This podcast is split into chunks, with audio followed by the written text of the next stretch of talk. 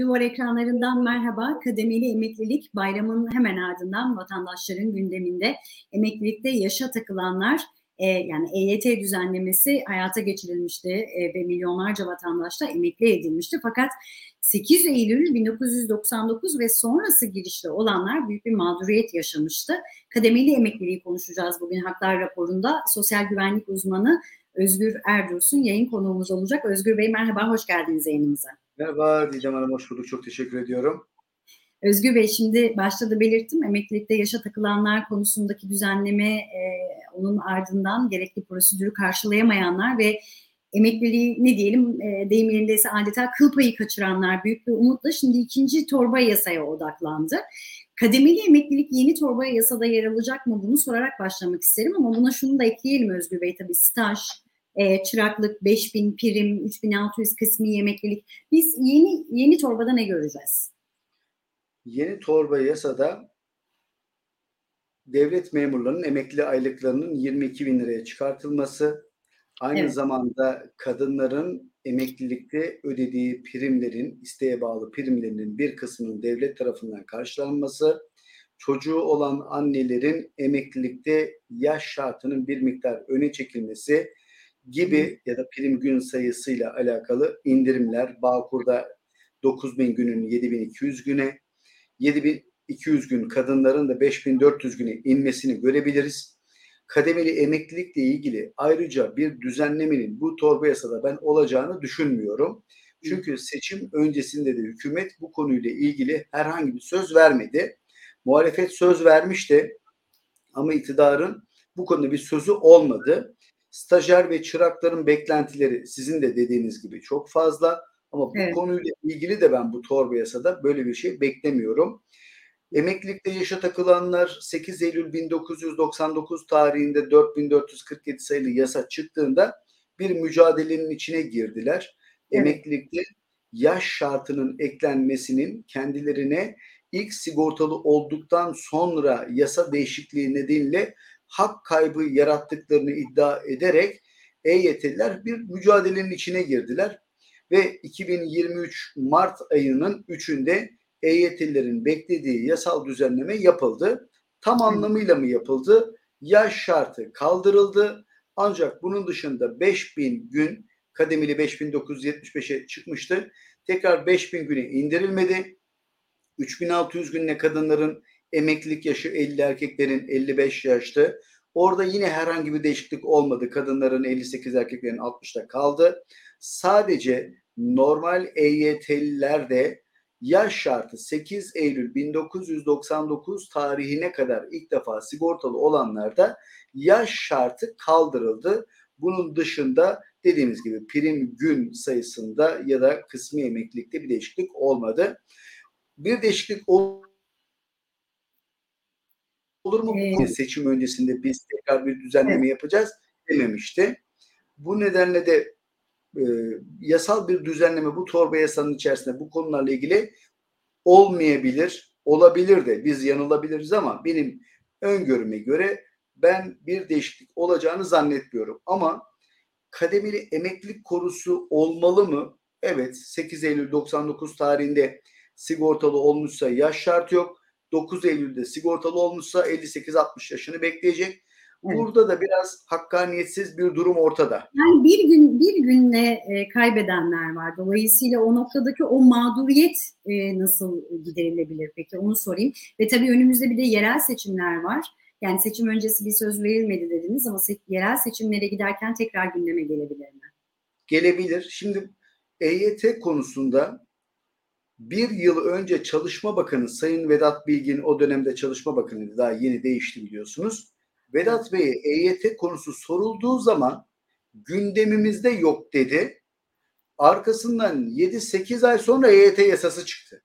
Yani Türkiye'de siyasilerin kesinlikle yüzde yüz olmayacak dediği bir konuyla ilgili evet artık hiçbir beklenti içinde olmayalım.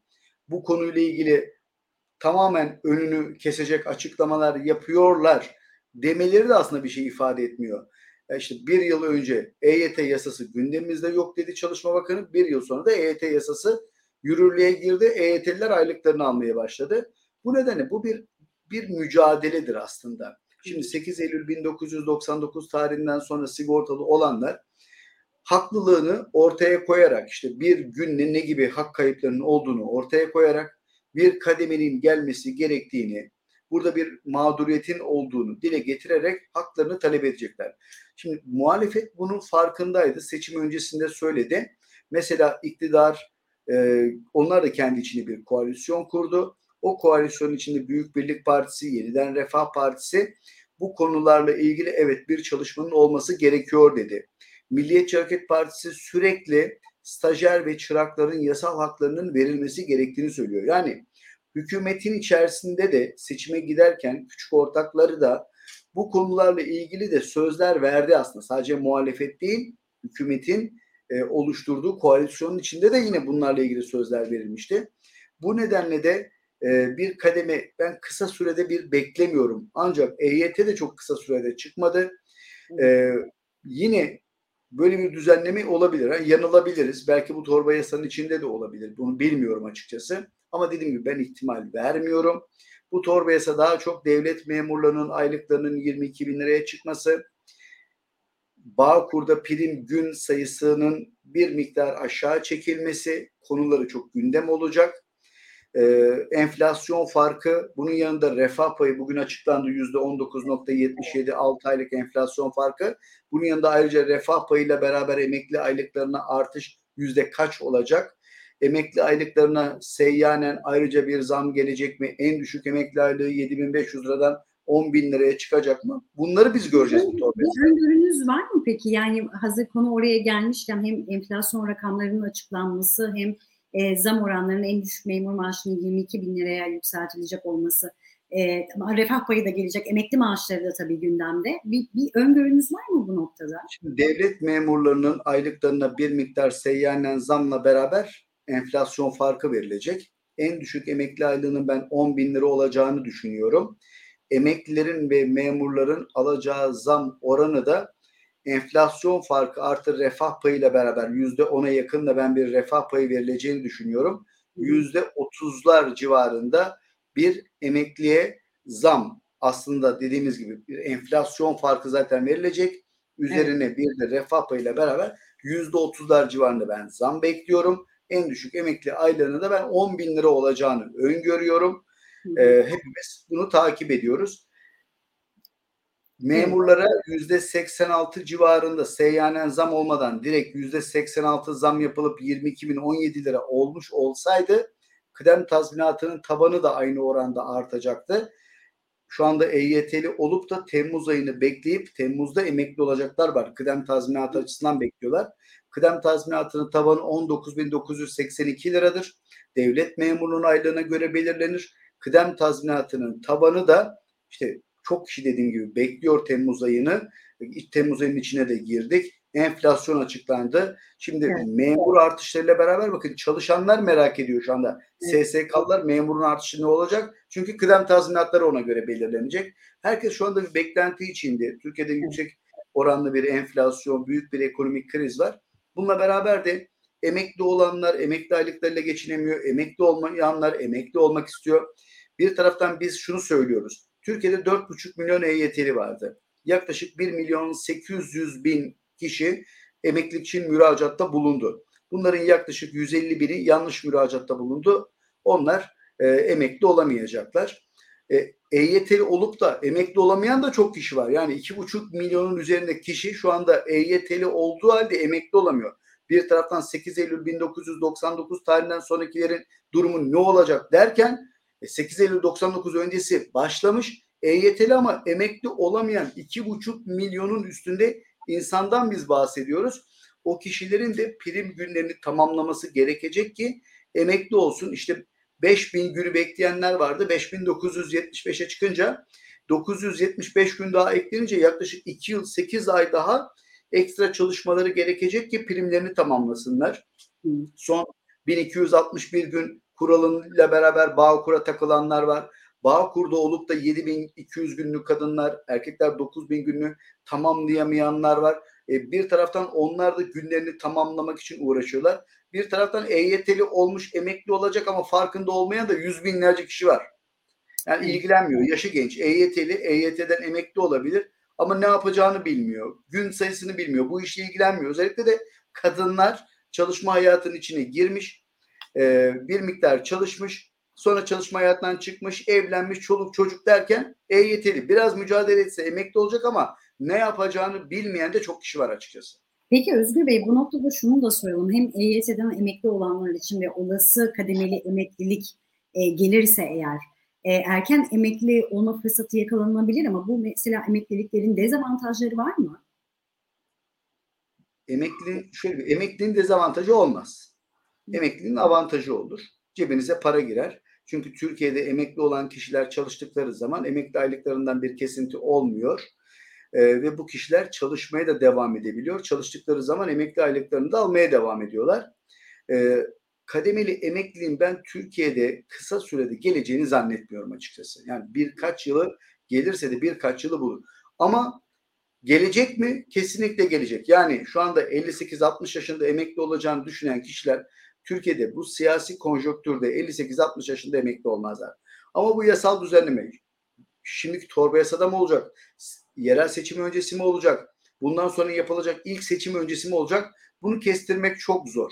Ama kısa sürede olacağını zannetmiyorum. Ama bu yasal düzenlemenin ben olacağını da düşünüyorum. Ama kısa Peki. sürede olacağını düşünmüyorum. Peki diyelim ki hem kademeli emeklilik hem e, sizin de az önce bahsettiğiniz gibi EYT'li olup da şu ana kadar emekli olamamış e, vatandaşlar emekli olursa aslında bu tabii emekli olmak isteyenler için bir anlamda müjde niteliğinde ama e, yine sizin de başta söylediğiniz gibi bugünlerde biz e, malumunuz enflasyonla mücadele ediyoruz. Bu e, kademeli emeklilik bütçe disiplininde ve sosyal güvenlik sisteminde nasıl bir etki yaratır? Onu da soralım. Yani madalyonun bir de diğer tarafına bakacak Tabii olursak. Tabii ki en önemli konu. etki nedir? Şimdi sosyal güvenlik sisteminin gelirleri vardır. Prim gelirleri vardır. Çalışanlar primlerini öderler. Emeklilere de aylıklar ödenir. Türkiye'de emekli aylıkları çok düşük. Şu anda 14 milyon emeklinin 9 milyonu en düşük emekli aylığı olan 7500 liraya alıyor. Bu çok e, kötü bir orandır. Evet. Türkiye'de emekli aylığı hesaplama sistemi yanlış, eksik bir emekli aylığı hesaplama sistemidir.